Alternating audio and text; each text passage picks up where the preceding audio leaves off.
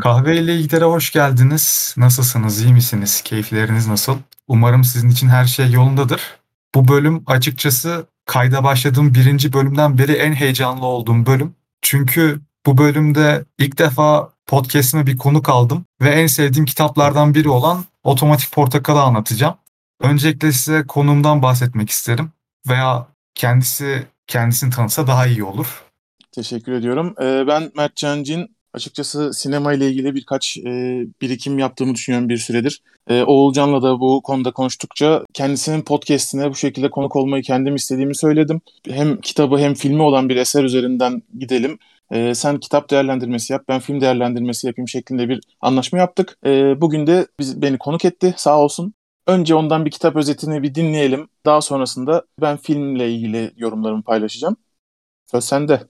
Tamamdır. Ee, geçtiğimiz podcast bölümünde bahsettiğim gibi bu bölümde Otomatik Portakal adlı kitabı size anlatmaya çalışacağım. Otomatik Portakal'ın tam çevirisi Clockwork Orange oluyor İngilizce'de. Bu da aslında şu deyimden geliyor. Queer as Clockwork Orange yani olabilecek en yüksek derecede gariplikleri barındıran kişi anlamına geliyor. Ki kitabın ana karakterine baktığımız zaman gerçekten çok tuhaf bir insanla karşı karşıya kalıyoruz. Yaklaşık 15 yaşında bir çocuk. Karakterimizin ismi Alex ve aklınıza gelebilecek her türlü kötülüğü ve suçu işleyen birisi. Gasp ediyor, soyuyor, adam yaralıyor, adam öldürüyor, uyuşturucu kullanıyor, uyuşturucunun etkisi halinde suçlar işliyor, tecavüz, yağma bunların her birini çetesiyle yapan iğrenç bir e, arkadaş grubundan söz edebiliriz. Aslında burada yazar şeye de gönderme yapıyor. 1960'larda İngiltere büyük bir enflasyonla boğuşmakta. Enflasyon hani Süleyman Demirel'in bir sözü var ya enflasyon halkları kötülük yapmayı iter. İngiltere'nin sokakları tamamıyla suç işlenmek için yaratılmış yerler gibi olduğunu söyleyebilirim. Alex ve Cheses de bu suçları işleyen örgütlerden bir tanesi. Bir soygunda Alex'i çetesi ispiyonluyor ve Alex'in hapse girmesine sebep oluyor. Alex burada da ihanet ve bela başından hiç eksik olmuyor. Mesela işte koğuş 4 kişilik ama 8 kişi birlikte yatıyorlar ve sevmediği insanlarla, hiç anlaşamadığı insanlarla birlikte bulunuyor.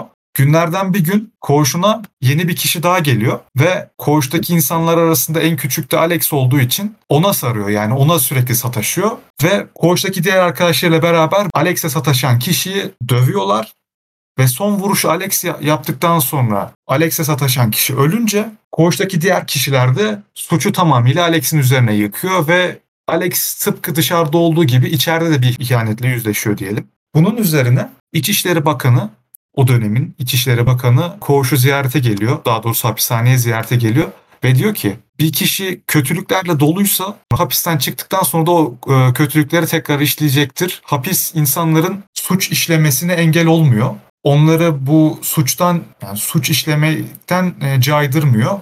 O yüzden doktorların geliştirdiği bir teknik olan Ludovico tekniğini Alex üzerinde uygulamayı teklif ediyorlar. Eğer bu teklifi kabul ederse Alex 2 hafta sonra her ne kadar 14 yıl yemiş olsa da ki orada da yani koğuşta da bir insan öldürdü. Yatacağı süre daha da e, artacak. Yani Ludovico tekniğini kendisine uyguladıktan sonra Alex 2 haftalık bir sürenin sonunda serbest kalacak. Alex bunu kabul ediyor. Ancak Ludovico tekniği şöyle bir teknik. Yazar burada insanları bir e, sorgulamanın içine e, sokuyor. Eğer bir kişi kötülük yapamıyorsa iyi olmanın bir anlamı var mıdır? Bu kitabı okurken kitabın ortasından itibaren sürekli bu düşünceyle e, okumaya devam ediyorsunuz. Alex'e bu Ludovico tekniği uygulanıyor. Alex bundan bayağı rahatsız oluyor. Çünkü hareket etmesini engelleyecek bir düzeneye Alex oturtuyor ve gözlerini bile kapatamıyor. Ve bu süreçte sürekli suç, tecavüz, yağma veya Nazi kamplarında Yahudilere uygulanan işkenceler gibi filmler Alex'e izletiliyor. Alex en sonunda artık kafayı yiyor yani ve mesela birisi ona kötülük yapmak istediğinde veya kötülük yaptığında Alex buna karşılık vermeye çalıştığında kendini o kadar kötü hissediyor ki hani cevap veremiyor. Ve kötülük yapamaz hale gelince de serbest bırakıldığında canı her ne kadar kötülük yapmak istese de bunları bir türlü beceremiyor. Zamanında suç işlediği insanlarla yüzleşiyor Onlar artık Alex başka bir kişi olmuş olmasına rağmen onlar Alex'ten hınçlarını çıkarıyorlar. Ve yine bir hıncını çıkarmak isteyen e, bir kişinin evindeyken Evden kaçmak istediğinde camdan aşağı atlıyor. Camda yüksekten düştüğü için bayılıyor ve bu Ludovico'nun etkisi ortadan kaldırılmış oluyor. Bundan sonrasında ise e, Ludovico'nun etkisi ortadan kalktıktan sonra Alex tekrardan kötülük yapabilir hale geliyor. Bir çetede kuruyor. E,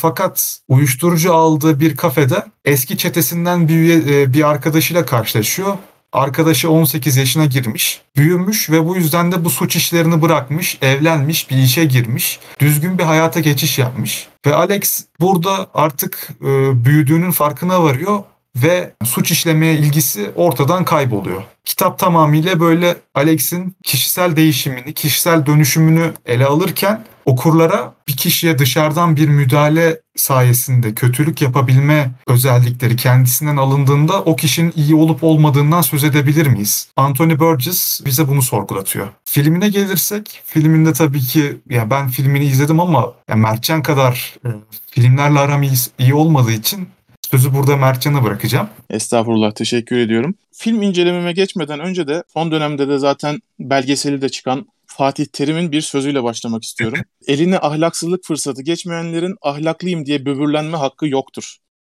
Bu sözüyle Çok gerçekten bu sözüyle gerçekten e, otomatik portakala çok güzel bir gönderme yapmış diyelim.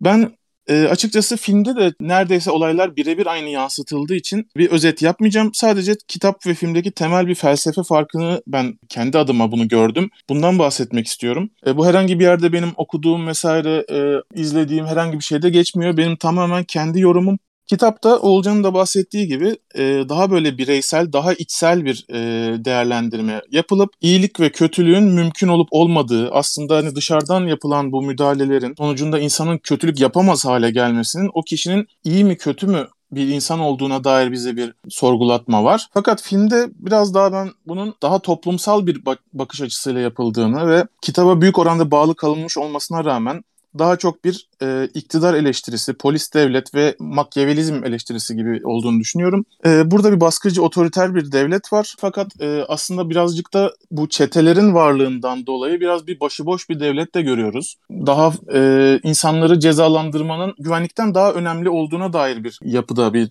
distopik bir durum var. Burada bana kalırsa şu üç olayın diyebilirim etkisi var. Birincisi e, kitapta bir argo var. Bu argo yani daha doğrusu kitapta da var, filmde de var bu argo. Ama kitaptaki argo bize biraz daha kitabın kendi anlatımında da böyle bir e, argo kullanıldığı için aynı filmdeki ve e, kitaptaki Alex'in ve çetesinin kullandığı argo e, kitabın anlatıcısı olarak da kullanıldığı için daha bir e, bizi şeyden uzaklaştırdığını düşünüyorum.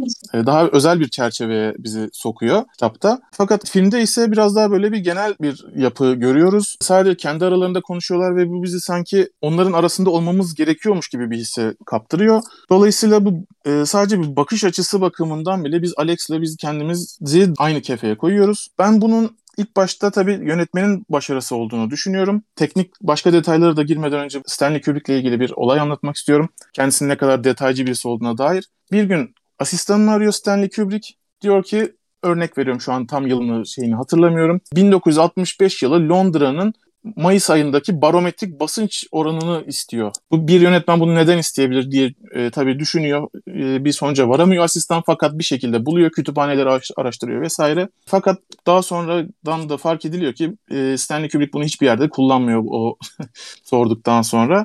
Dolayısıyla yani bu detaycılığı burada çok net görüyoruz. Bu bağlamda da şunu söylemek istiyorum. Bu detaycılığını şurada kullanıyor e, bu film üzerinde. Yani dediğim gibi Argo'nun e, kitaptaki kullanımıyla filmdeki kullanımı farklı. Bunun dışında bir de şunu bize çok güzel e, sağlıyor. Distopik filmlerde, distopya türünde karanlık bir ortam olur veya e, karanlık olmasa bile aydınlık fakat soluk bir ortam olur ki bunu örnek veriyorum bu Otomatik Portakal 1971 yapımı 5 yıl öncesinde çıkan Fahrenheit 451 isimli kitap yine bir kitap uyarlaması. E, bunda bir Bunda da bir distopya örneği görüyoruz. Fakat bu distopya diğerlerine nazaran yine aydınlık bir havada geçiyor. Fakat burada da dediğim gibi soluk bir hava var. Yani E, hiçbir şekilde renkli, canlı renkler kullanılmamış vesaire. Fakat otomatik portakalda görüyoruz ki ne zaman böyle bir şiddet ortamı oluşacak, kitapta anlatılan, e, kitapta daha doğrusu mide bulandırılarak anlatılan şeyler filmde renkli bir ortamda sanki pastel renkler, çocuksu renkler diyebilirim hatta böyle bir şeyde e, veriliyor bize. Yani bunu daha yani bunu daha doğrusu distopyalarda sadece şeylerde görebiliyoruz bu renk kullanımını. Böyle komedi filmlerinde, İdiokrasi filmi vardı mesela buna benzer e, veya Truman Show e, aslında bir e, distopya burada görebiliyoruz. Ama bunlar komedi türüne yakın veya popüler kültür ürünü olduğu için biraz da tabii renkli bir yapı var. Ama burada doğrudan doğruya bir distopya olmasına rağmen çok renkli bir yapı görüyoruz. E, bu bizi nereye itiyor aslında? Alex'in bu eylemleri yaparken Alex'in aldığı keyfi aslında bize de verdiğini düşünüyor burada düşünüyorum burada yönetmenin.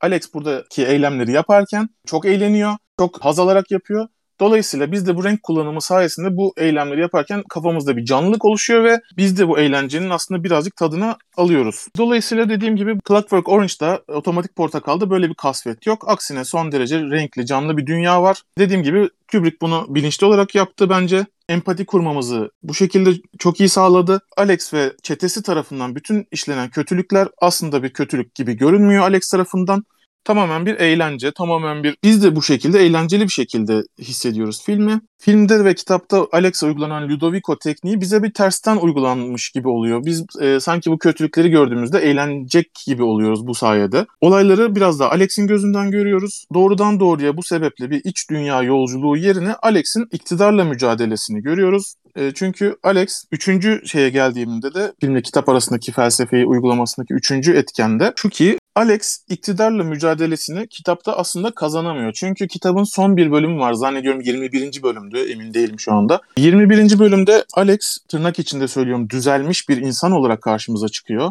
Topluma uygun yaşayan bir halde karşımıza çıkıyor. Ama filmde e, şunu görüyoruz ki o 21. bölüm kesinlikle kullanılmamış. Sadece iktidarı kandırmak amacıyla artık ben iyileştim tavrına giriyor fakat e, yine aklına geldiğinde bile midesini bulanan adeta dayak yemişe çeviren kendisine kötülükler bu sefer yine eğlenceli halde kafasında canlanıyor. E, ama dediğim gibi bunu iktidarı kandırmak amacıyla kullanıyor. Bu da bana e, Alex'in kitabın aksine filmde e, iktidara karşı verdiği mücadeleyi kazandığını gösteriyor eski şiddet olaylarına devam edeceğine dair bize bir ışık veriyor filmin sonu. Kitapta ise tam tersine artık e, devletin müdahalesi olmasa bile e, orada bir düzelme var. Şiddet olaylarına bir daha karışmayacağı düşünülüyor. Bu son bölümün filme katılmaması yani bu e, diğer şeylerle birleştirdiğimiz zaman yani argonun kullanılması, renk kullanılması ve e, son bölümün filme dahil edilmemesi birbirini aslında tutarlı hale getiriyor ve kitaptaki bireysel bakışa nazaran daha toplumsal bir iktidar eleştirisi, polis devlet eleştirisini çok güzel yapıyor. Bu şekilde üçünü bir arada değerlendirdiğimiz zaman. Dolayısıyla ben bu üçünü birleştirdiğimizde yönetmenin tercihlerini doğru buldum. Yani kitabın güzel bir özetiyle beraber güzel de bir finalle bitirildiğini düşünüyorum. Aynı şeyi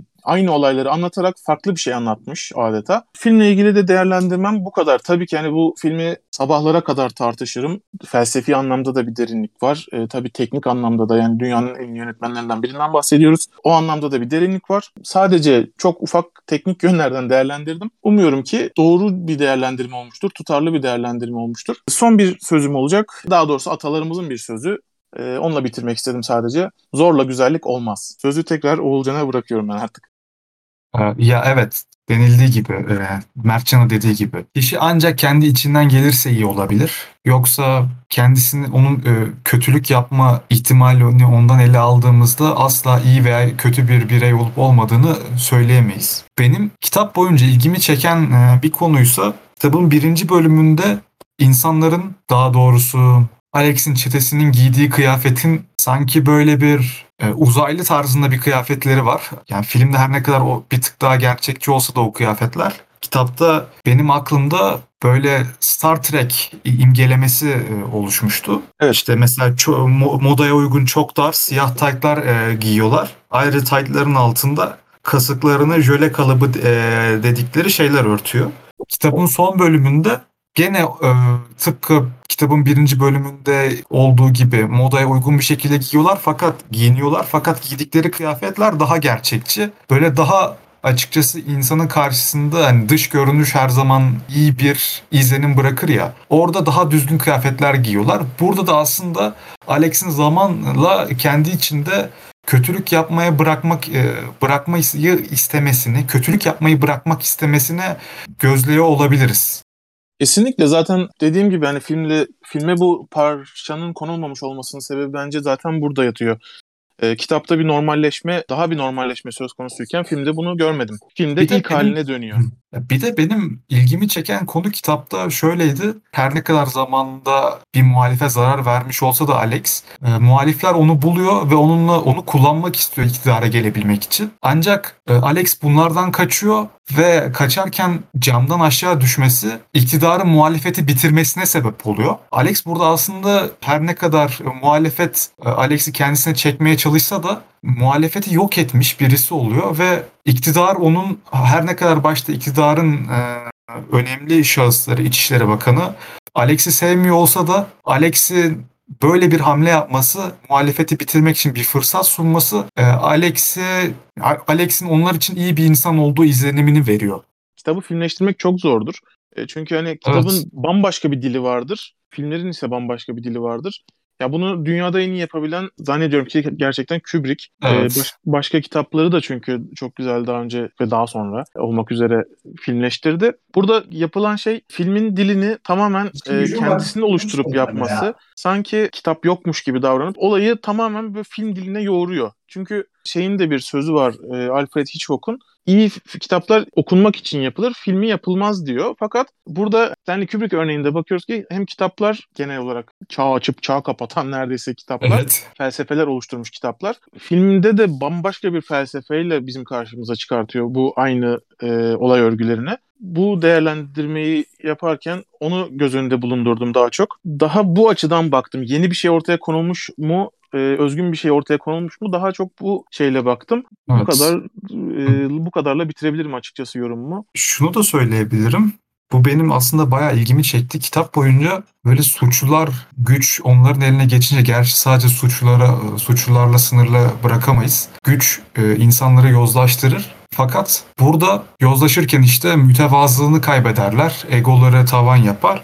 Fakat burada Alex'te öyle bir durum yok. Sürekli kendisini mütevazı e, anlatıcınız olarak kendisini tanımlıyor bu kitap boyunca. Ayrıca başına gelen bütün kötü olayları da tabii e, bu aslında bunu sadece Anthony Burgess bilir ama başına gelebilecek bütün e, olayları asla bizden bir şeye saklamazcasına saklamayarak hepsini anlattığını burada görebiliyoruz. Bütün bunlara rağmen işlediği bütün bu kötülüklere yaptık, yaptığı bütün kötülüklere ve sahip olduğu o ele geçirebildiği o bütün güce rağmen mütevazılığını hiç kaybetmemiş olması benim burada çok dikkatimi çekti.